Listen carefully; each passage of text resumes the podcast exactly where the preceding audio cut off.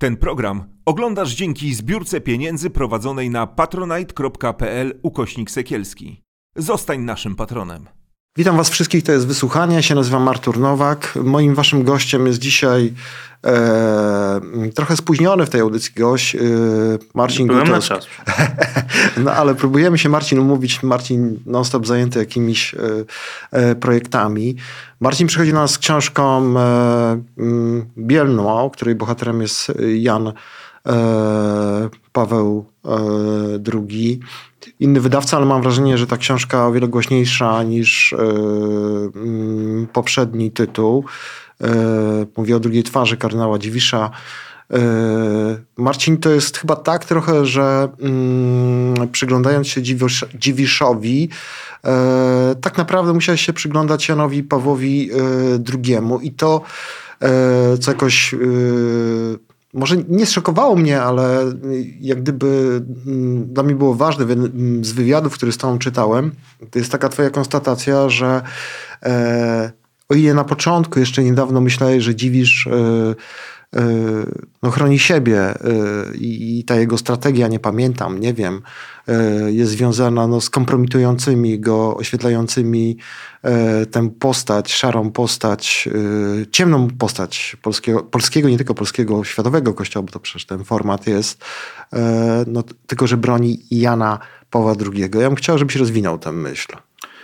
No, jakby naturalnym, e, naturalną koleją rzeczy było pytanie o Jana Pawła II po pytaniach o kardynała Dziwisza.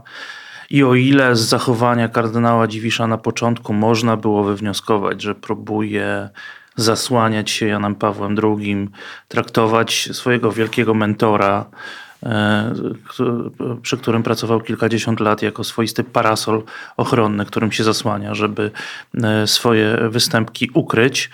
E, O tyle e, z czasem coraz bardziej odsłaniała się rzeczywistość taka to, że, e, że on jest wiernym do dziś sekretarzem, strażnikiem dobrej pamięci, pamięci, która nie znosi pytań o rzeczy trudne, o rysy na wizerunku jego wieloletniego szefa, co zresztą potwierdzałaby niedawno wydana książka sekretarza następcy Jana Pawła II, kardyn- e, arcybiskupa Georga Gansfajna, który wspomina tam rozmowę z e, kardynałem Dziwiszem, przekazującym mu niejako obowiązki i, i, e, i no, uczulającym go na to, że ma być to, e, parafrazuję, swego rodzaju dachem nad Ojcem Świętym, chroniącym go przed tym, co niepożądane.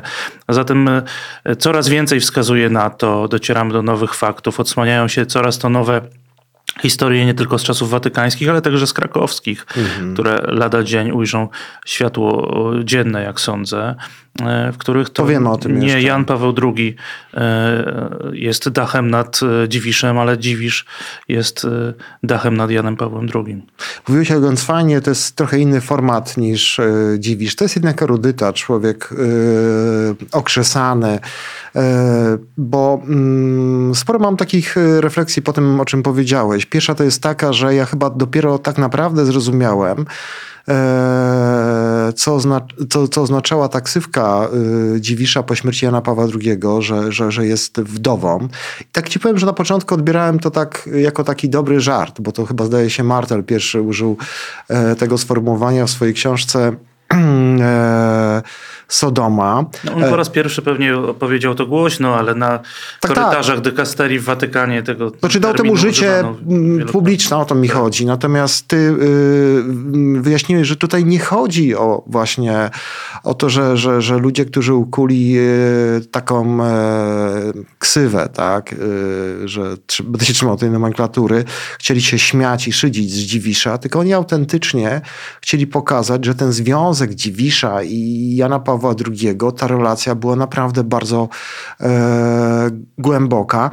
Pamiętam też, jak kiedyś się zastanawiałem e, nad taką alternatywną e, tezą wobec tej, która była lansowana, że Jan Paweł nic nie wiedział, że, że, że przecież do niego ktoś do niego nie dopuszczał, że tak naprawdę e, być może jest odwrotnie. Właśnie chodziło o to, żeby nikt mu nie zarzucił, że on czegoś nie wiedział i to nie był interes i jakieś, nie wiem, ciemne gierki Dziwisza, ale może pomysł samego Jana Pawła II na to, e, żeby go oczyścić. Ja nie wiem, czy to był pomysł e, samego Jana Pawła II, czy to był pomysł systemu, który funkcjonował już od dziesiątków, a pewnie od setek lat, w który Jan Paweł II się wpasował i w którym Jan Paweł II, wcześniej Karol Wojtyła, po prostu wyrósł i nie znał innego systemu. Przyjmował go za swój. E, Coraz więcej na to wskazuje. Wspomniałeś o tym, że ta, ta, ta ksywka dotycząca kardynała Dziwisza została ukuta e, w Watykanie. No, nie- niemal wprost o tym mówi mi, cytuję to w książce, e, arcybiskup Renato Bocardo, który był bardzo bliskim współpracownikiem Jana Pawła II i jego administracji przez e, i właściwie codziennym gościem apartamentu papieskiego przez e, długie, e, długie lata na, na różnych stanowiskach e, w kurii rzymskiej i w gubernatoracie państwa watykańskiego. Natomiast, y, no, no, no, natomiast tak, no rzeczywiście coraz więcej wskazuje na to, że to nie była cyniczna gra jednego czy drugiego e, hierarchy, który chciał wbrew woli papieża zamiatać sprawy pod dywan, że to była dużo szersza, systemowa, strukturalna e, Racja stanu kwestia, taka może trochę. e, która, no, która trawiła Kościół przez, tak jak mówię, setki lat zapewne, bo to nie e, problem wykorzystania seksualnego nieletnich, to nie jest problem, który pojawił się w połowie lat 80. wraz z pierwszym opisanym skandalem w Lafayette w Luizjanie. To jest problem, który jak już dzisiaj wiemy, no, no, przez wiele poprzednich e, pontyfikatów funkcjonował w Kościele i no, ukuto pewien sposób hipokrytyczny, tak? E, Radzenia sobie, w cudzysłowie radzenia sobie, no po prostu rozbrajania tego problemu, ukrywania go. E, I za czasów administracji Jana Pawła II starano się ten e, sposób powielać, nadal stosować. No, Jan Paweł II w pewnym sensie miał pecha i po, powtarzam to często, że był pierwszym papieżem mediów globalnych. Z jednej strony doskonale to wykorzystał, często w bardzo dobrych celach, stając się światową megagwiazdą, e, a z drugiej strony no, te media globalne też e, stawiały pytania, też odsłaniały rzeczywistość, której do tej pory była zakryta i do której nikt nie miał dostępu. I Jan Paweł II miał tego pecha, że musiał sobie z tym radzić. Jak sobie radził, albo raczej nie radził, to coraz e, wyraźniej widzimy. Mhm. Zresztą pokazujesz już wprost y, na kartach Bierma, też w swoich reportażach o tym, że mm, e, to takie alibi, że, że nie wiedział, ofiary nie były do niego dopuszczane, jest po prostu nieprawdą. E, Dotąd mieliśmy tylko poszlaki. Ty podajesz takie przykłady, po- podajesz tą skandaliczną sytuację e, z e, amerykańskiego podwórka, e, mam na myśli Buffalo. Mówisz wprost o Jamesonie Greenie, który... Mówię o ludziach, którzy rozmawiali z Janem Pawłem O II. Jamesie Grajnie, który już w 1988 Tak. roku, jak mówi, powiedział w Pałacu Apostolskim podczas prywatnej audiencji, którą zresztą zorganizował McCarrick. jego prześladowca Theodor e, McCarrick, o tym, że jest wykorzystywany od kilkunastu lat przez e, właśnie McCarricka.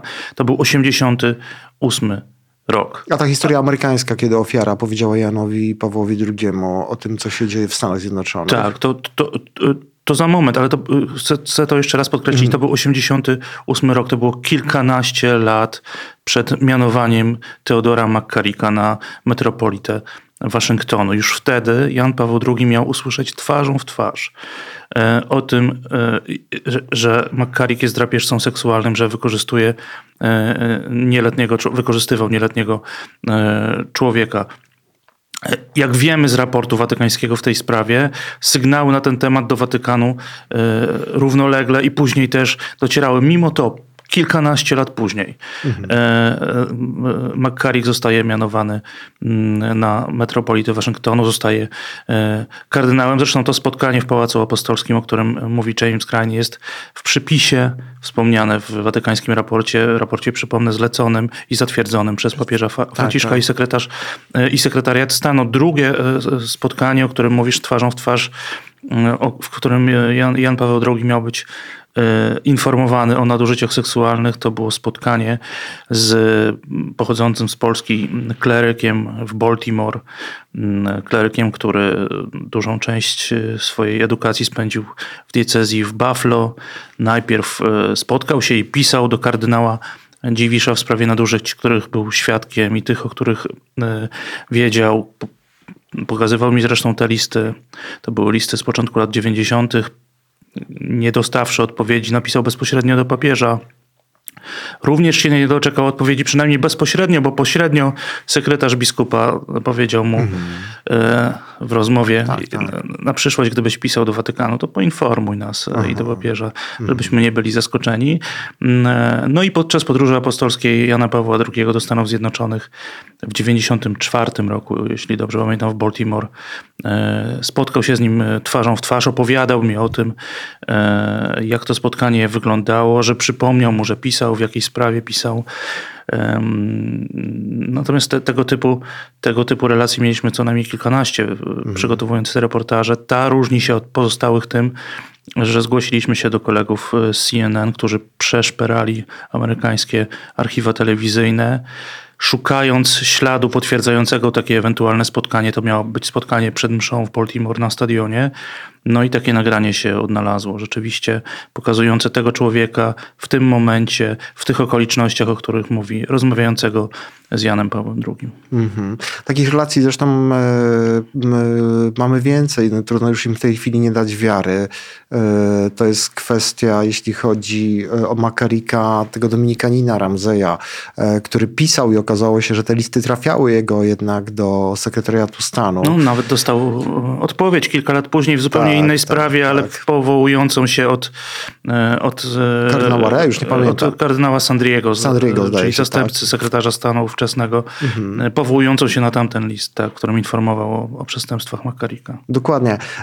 Sam papież Franciszek, przypomnę, jakiś czas temu mm, mówił również o tej sytuacji z Ratzingerem, który chciał u Wojtyły no, uzyskać jakieś rozstrzygnięcie związane z Macielem i został odesłany do archiwum, czyli tych e, relacji jest e, bardzo dużo. Ale no, myśmy to... dotarli też dotarli do takiej relacji dotyczącej sprawy wcześniejszej, sprawy z lat 90., głośnej sprawy Hansa Hermana Groera, tak. metropolity wiedeńskiego, mm, no i zapisków różnego rodzaju prałatów, którzy podzielili się z nimi z watykanistami, zresztą z bardzo poważnym źródłem, bo to jest Andrea Tornielli, dzisiejszy szef tak, tak. watykańskich tak. mediów, zatrudniony przez papieża Franciszka. On wtedy jako watykanista Il Giornale opisywał takie spotkania, na których e, przy papieskim stole, podczas których był e, obecny papież, wspominam o tym w książce, i podczas których, to parafrazuję e, cytat, miano zatuszować sprawę Groera, znaleźć hmm. rozwiązanie, które by jej nie rozwiązało,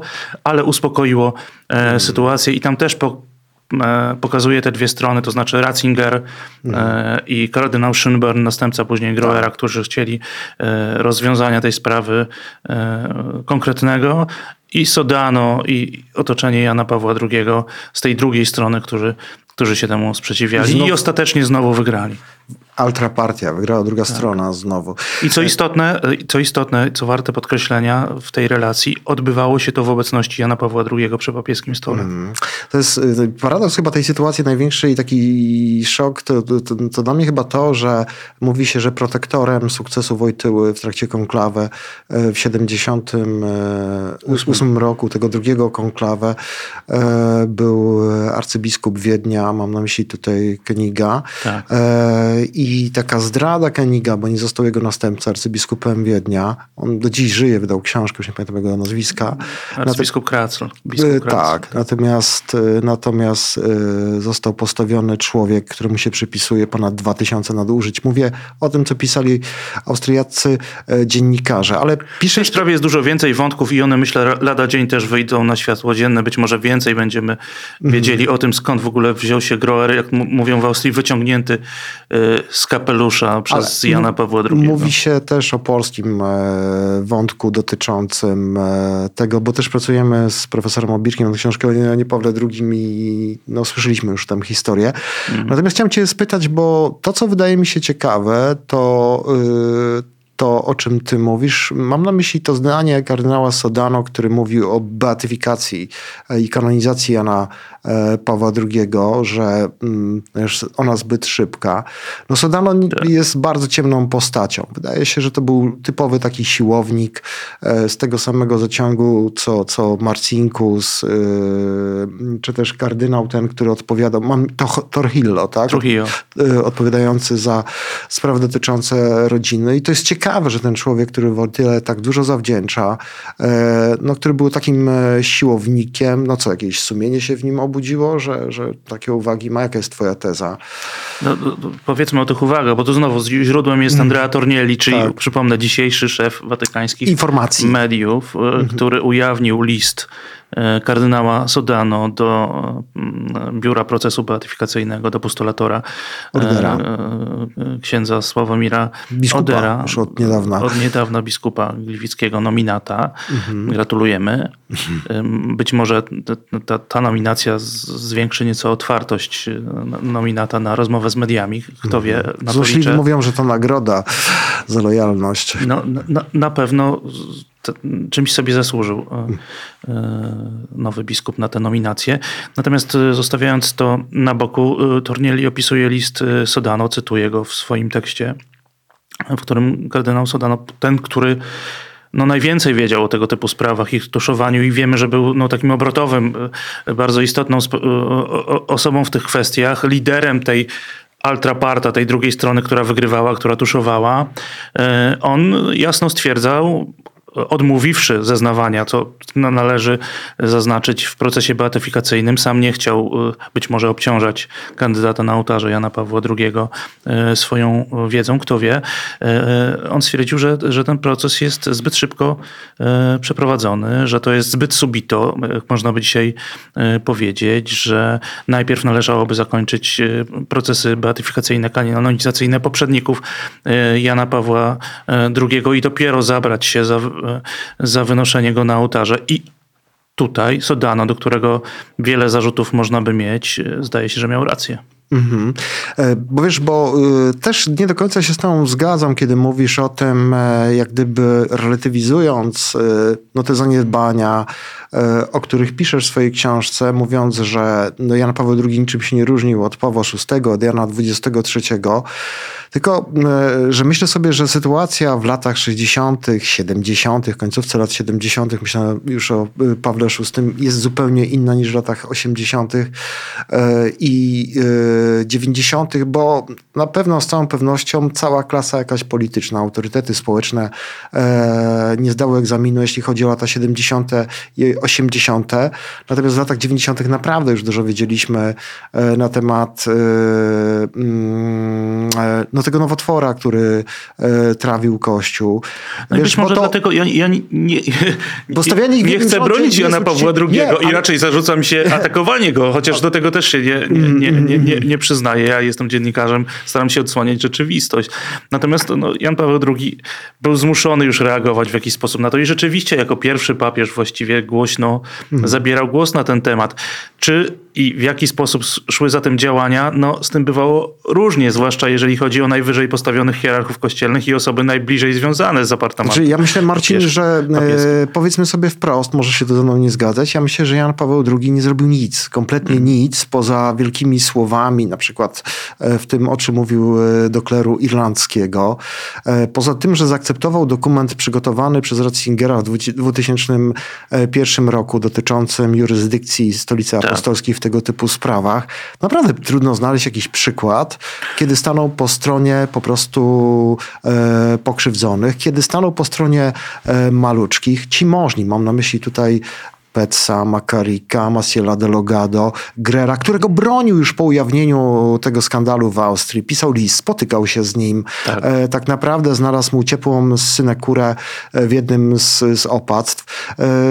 mm, trudno naprawdę znaleźć te przykłady takie budujące, niezależnie od naszych sympatii czy antypatii do Jana Pawła II. A przypomnę, że cały zachodni świat w latach 80., 90., wielka rewolucja seksualna, ruch feministyczny bardzo mocno mówił o tych nadużyciach, o tym, jak traktowana jest osoba słabsza, o tym zniewoleniu seksualnym, o przemocy seksualnej. No, ja nie wiem, czy Jan Paweł II był kimś, kto akurat e, ruchów e, feministycznych słuchał w jakimkolwiek zakresie. On się ich bał, dlatego pewnie miał taką dobrą relację tak z Ronaldem e, Reaganem. Tak sądzę. Natomiast, no, no cóż, no, czy mógł zrobić więcej? Na pewno mógł zrobić więcej. Czy spodziewalibyśmy się więcej? Na pewno spodziewalibyśmy się więcej. W żadnej mierze nie próbuję go usprawiedliwiać. Natomiast rozumiejąc kontekst, urodzony w 1920 roku, wychowany przez Kościół katolicki, można powiedzieć, od samego początku, e, pod twardą ręką e, księcia Sapiechy, e, którego rola być może też wymagałaby wyjaśnienia i dodatkowych badań, bo być może w tej relacji i w tym wzorcu, on mówił o nim, o, o Sapiesze jako o swoim ojcu, jako o swoim mentorze, E, jako swoim wzorze, który, który naśladował. Ludzie, którzy obserwowali młodego biskupa e, e, Wojtyłę, mówili, że on właściwie nawet siadał i, i ruszał rękami, tak jak Sapiecha. Mhm. Być może w tej relacji tkwi odpowiedź na pytanie o postawę Jana Pawła II w tych sprawach. O, zajrzymy, zajrzymy od kogo się uczył, skąd czerpał wzorce i jakie mhm. wzorce mógł czerpać. Czy Jan Paweł II był zdolny przeskoczyć e, uzus, był zdolny przeskoczyć e, e, zachowanie systemu kościelnego, bezwolnego systemu, który przez, jestem o tym przekonany i właściwie mamy na to dowody, przez setki lat w tych sprawach działał tak, a nie inaczej. Mhm. I on na koniec swojego życia Pytanie, jak on działał w Krakowie. Myślę, że to, e, że to e, e, jest pytanie, które jest domaga książka. się odpowiedzi i nie, niebawem te odpowiedzi tak. zaczną się odsłaniać. No, mogę zdradzić, że też będę miał w tym swój jakiś udział. Natomiast natomiast no, jeśli ktoś twierdziłby dzisiaj, a są tacy po pierwszych tekstach, które w tej sprawie się pojawiają, że, że postępował jak należy, że nie miał wiedzy, że nie ukrywał przestępców seksualnych w sutannach, z którymi miał do czynienia jako biskup, no to najdelikatniej, jak potrafię e, to ujmując, no, byłyby to daleko idące e, niestosowności i uproszczenia. Mhm. Nic nie wskazuje na to, że Jan Paweł II, wcześniej e, biskup, arcybiskup, kardynał Karol Wojtyła postępował inaczej niż jemu podobni. Z takiego świata wyrósł i na starość, jako popieża, na świeczniku dopadły go skandale, które zostały upublicznione.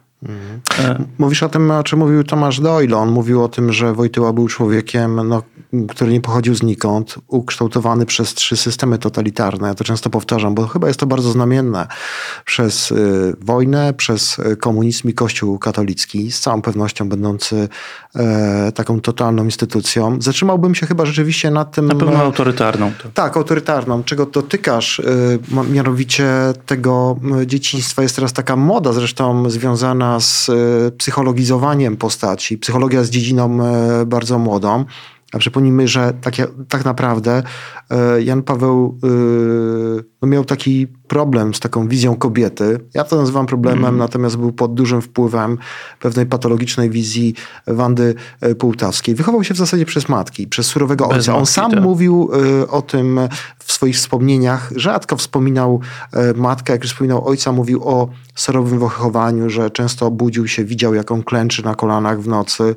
E, jest też takie jego wspomnienie, kiedy wspomina ojca, kiedy ojciec mówi, że e,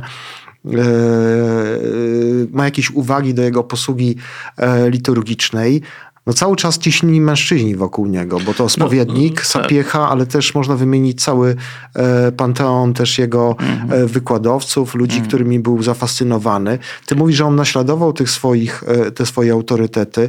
Ja mam wrażenie czasem, że on tworzył pewne mity wokół tego, tego swojego wybraństwa, e, że ci wszyscy oni mówili, że ty będziesz kimś wielkim, że e, no taki, ja mam na myśli taki narcyz, bo pracuję nad tą Mhm. postacią i to mi się e, tam e, zupełnie przebija, ale do czego ja mm, zmierzam, żeby po- tutaj, ja nie chcę tutaj błyszczeć tą swoją wiedzą o Janie Pawle II, ale do tego, o czym, ty, o, o czym ty powiedziałeś, o tym, że gdyby wokół niego albo w kościele w ogóle było więcej kobiet, do takiej sytuacji by nie dochodziło. No, bardzo to jest prawdopodobne. Rzeczywiście on y, mówił do swoich przyjaciół, że matki właściwie nie pamięta.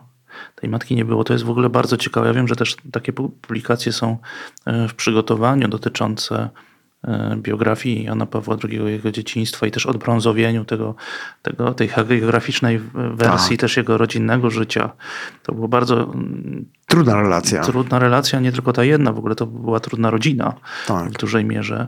Mm, Ale zostawiając to, y, no tak, no, problem kobiet w kościele, problem kobiet w kościele, to rzeczywiście y, często tak są formułowane różne te tytuły konferencji y, teologicznych, problem kobiet No, w kościele, przecież- ale rzeczywiście jest to traktowane jako problem często.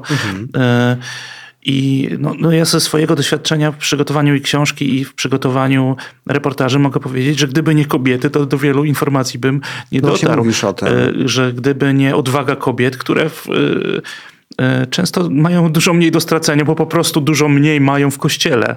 E, i, e, i nie boją się mówić, to, to, to wielu informacji bym nie zdobył, na wiele tropów bym nie wpadł, wielu poszlak bym nie mógł e, sprawdzić. Mężczyźni, nawet jeśli mówią, to mówią bardzo oględnie, mężczyźni kościoła, e, e, uwikłani w system, tak to, zależni od niego, tak to nazwijmy.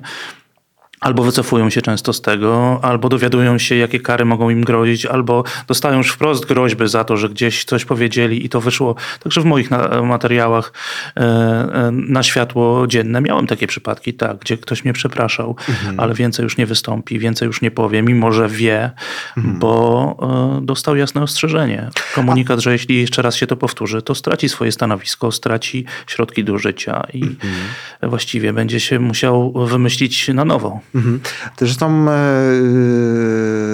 mm, słuchaj, taki cza- czasami trochę w, w twoich wypowiedziach żal, jeśli chodzi o to otoczenie Jana Pawła II, e, że często to jest tak i to jest dla ciebie niezrozumiałe, ci ludzie nie chcą powiedzieć B, nie chcą powiedzieć C, nie chcą powiedzieć D, zdaje się czekają na taki sygnał, tak, że ktoś coś powie i wtedy oni nagle zaczynają mówić.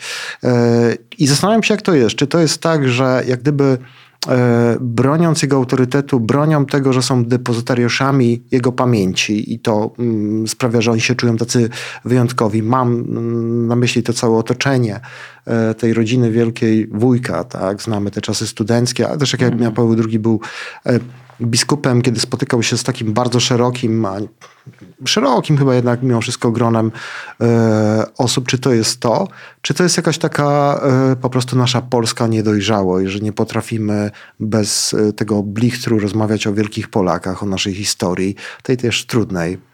Myślę, że to można rozpatrywać na kilku poziomach. Jeżeli, pierwszy to jest poziom ludzi świeckich, którzy w jakiś sposób zbudowali swoje życiorysy na przyjaźni z Janem Pawłem II, która, która była dla nich punktem odniesienia, dzięki którym czuli się ważniejsi. Wiele Wydali im, książki, wiele im też dał, być może osobiście, tak, na pewno. To, to są bardzo wartościowe kwestie. On ich wychowywał, oni są z tego wychowania dumni.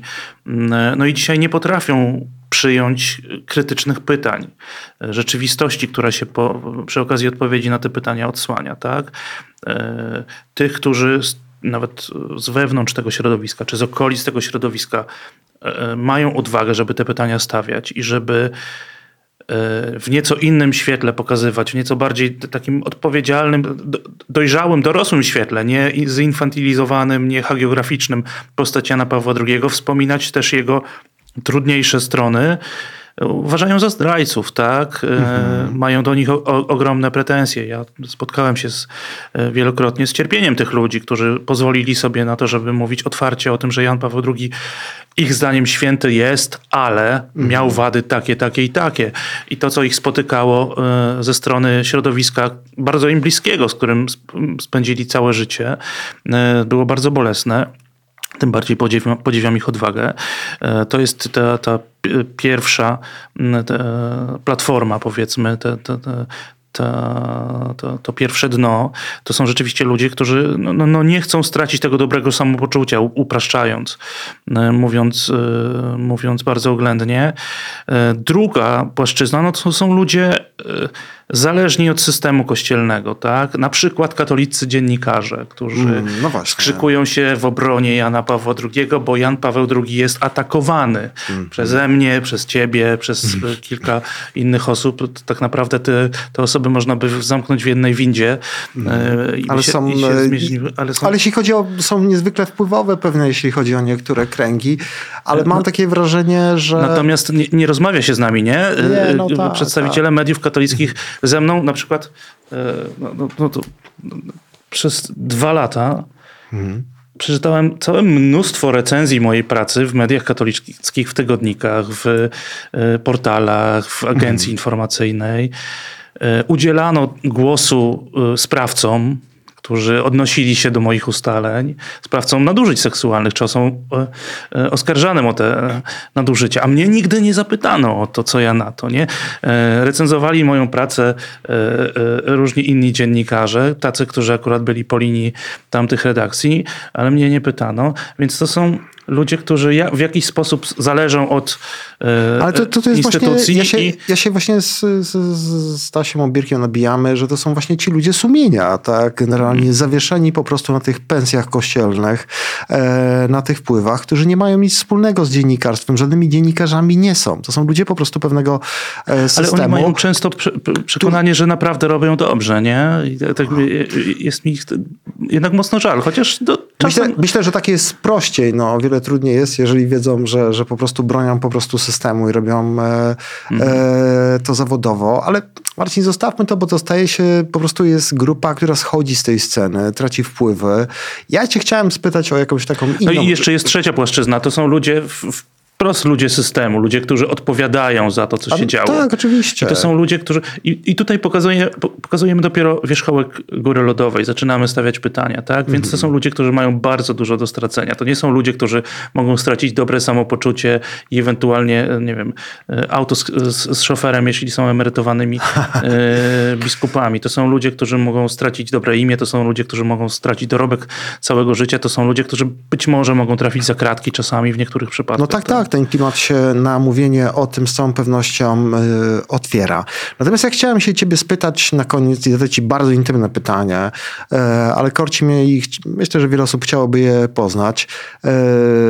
Wiara, jakaś taka relacja tożsamościowa, przynależność do danej grupy jest z całą pewnością czymś e, tak bliskim, jak czasami e, więzi rodzinne. Tak? Mm. Ja znam wiele osób e, i sam jestem takim przypadkiem człowieka, który absolutnie wyszedł z kościoła i naprawdę dokonało się to u mnie na przestrzeni ostatnich kilku lat dość gwałtownie.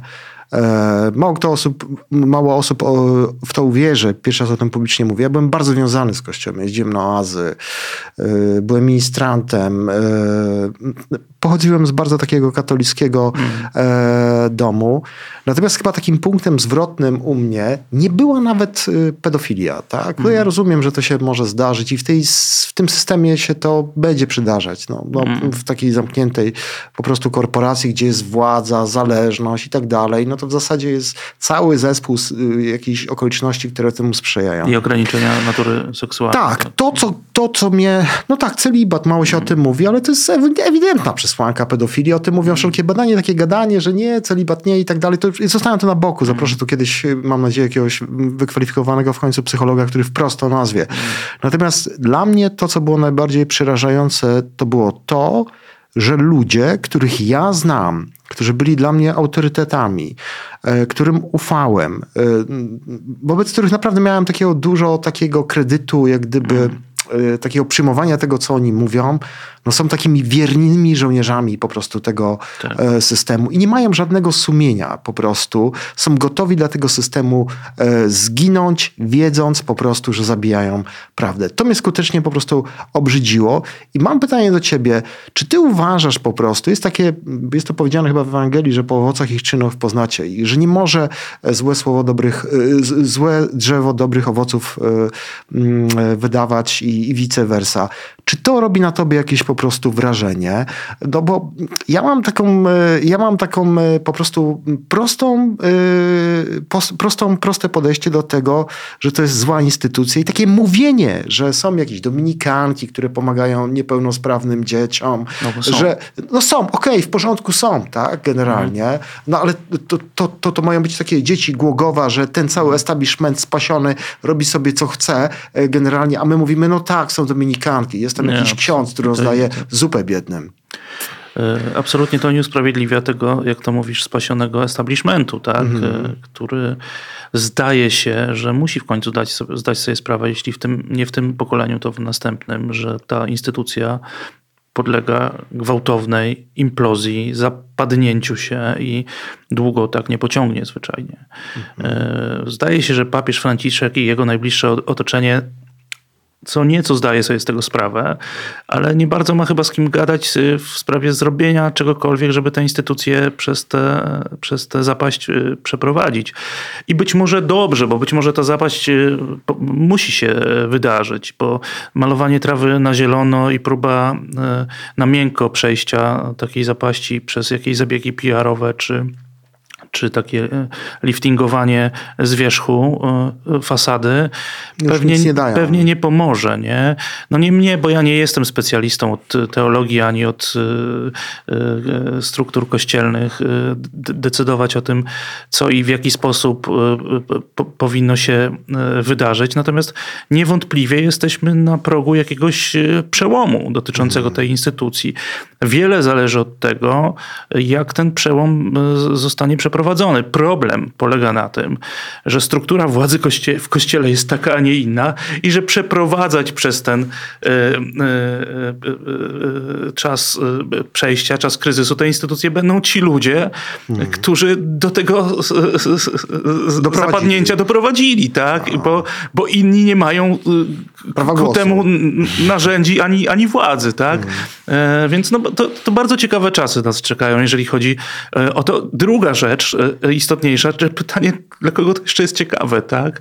Bo dla pokolenia, e, e, w którym my jest- jesteśmy, z Ale to jest- takimi doświadczeniami, jak ty e, e, mówiłeś, to Ale jeszcze to tak, tak? Nie, bo to jest, Marcin, moim zdaniem tak prosto, jeśli chodzi o mnie na takim wkurwie. Tak, po prostu. To na, na takiej zasadzie tak na mnie po prostu działa, że jeszcze jestem pokoleniem, dla którego to jest jakiś temat po Tak. prostu. Ale my mamy już pokolenie, które nie będzie wychodzić z kościoła, bo one nigdy w tym kościele po prostu nie było. Tak, w tej chwili. Jeżeli nie poczuje się traktowany poważnie, jeżeli klub starszych panów w sukienkach będzie postępować jak postępuje do tej pory, e, no, no, no, no, jadąc na ściemie, mówiąc młodzie, młodzieżowo w moich czasach, nie wiem jak się dzisiaj mówi, natomiast e, no to, e, no to ich nie będzie za chwilę, tak? Oni już nie będą pamiętali Jana Pawła II tak jak myśmy go jeszcze niedawno e, pamiętali. Będą pamiętali tę ściemę, którą próbuje im się dzisiaj e, wci- wciskać i zupełnie nie będą się nim e, interesować. Kościoły będą puste. Także panowie, szanowny klubie starszych panów w sukienkach,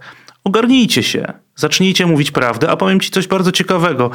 E, Pracując nad e, ma- materiałem, który niebawem się ukaże, mam bardzo jasne przejawy tego, jak to, jak to towarzystwo się, e, e, jak ten klub starszych panów, episkopat się e, ogarnia. Pomijając już stanowisko episkopatu, które wyszło po mojej książce Rady Stałej Episkopatu, nie wiem, Tak. czy czytałeś, jestem... Tak, że Jan Paweł II dobrym papieżem był. no ale a, ataki, ataki na niego, bo to jasne, że to są ataki, a nie próby od- odpowiedzi i odnalezienia prawdy są przejawem hedonizmu, relatywizmu i nihilizmu moralnego, więc A. jestem hedonistą, relatywistą, nihilistą moralnym tylko dlatego, że, że staram się wykonywać zawód dziennikarza w sposób nie, nie, nie, nie że tak powiem, no, no, no, e, działaniu czy pracy w przyklęku wobec tego typu te, tematów, tylko, tylko e, traktując także postać e, polskiego papieża, tak jak traktowałbym każdą inną postać historyczną, każdego innego męża stanu, każdego innego papieża, bo tego się to po prostu, od te, te- tego się domaga uczciwość.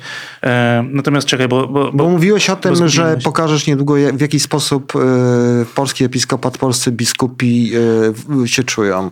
Jestem to ciekawy, czy to jest obleżona nie- twierdza? Nieoficjalnie. W jednej e, z ważniejszych, jeśli nie najważniejszej historycznie polskiej e, archidiecezji e, próbowaliśmy dotrzeć do jakichś dokumentów, no bo przecież i to w archiwum jawnym, nie w archiwum tajnym, w którym są jakieś teczki problematycznych księży.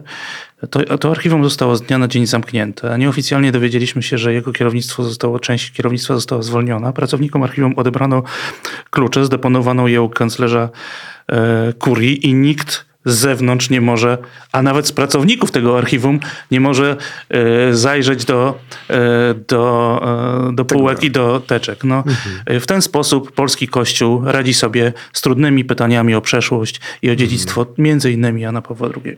Przykre to jest, ale z drugiej strony, czy można się spodziewać czegoś innego po ludziach, którzy moim zdaniem, i tu się z Tobą zgadzam, sami są w to uwikłani i często mają też Oczywiście. dużo e, do stracenia. I może na tym polega e, problem, że e, wszyscy biskupi dalej, którzy są wybierani, a o orderze złośliwym ostatnio mówiłem, są wybierani na tym samym po prostu patencie. To są ludzie, absolutnie wszyscy i to sobie uczciwie powiedzmy, nie ma tu żadnych wyjątków Rysiów, yy, Muskusów i innych. Wszyscy oni są tacy sami, nie mają takiej cywilnoprawnej odwagi i przyzwoitości, żeby z tego środowiska e, się wyłamać. Ja nie wiem, nie chcę oceniać, bo nie znam każdego z nich z imienia i nazwiska, ale rzeczywiście no, trudno, No i widać ich jak. Trudno widzisz publiczne jakiegoś... wypowiedzi jakieś bardziej krytyczne biskupów. Ale to e, działa na słyszeć. zasadzie jakiejś takiej sekty po prostu. To znaczy, że albo im się od, y, składają jakieś przysięgę milczenia, no, no, no wytłumacz mi to, albo po prostu, nie wiem, wszyscy na siebie, może są na zasadzie jakichś haków, y,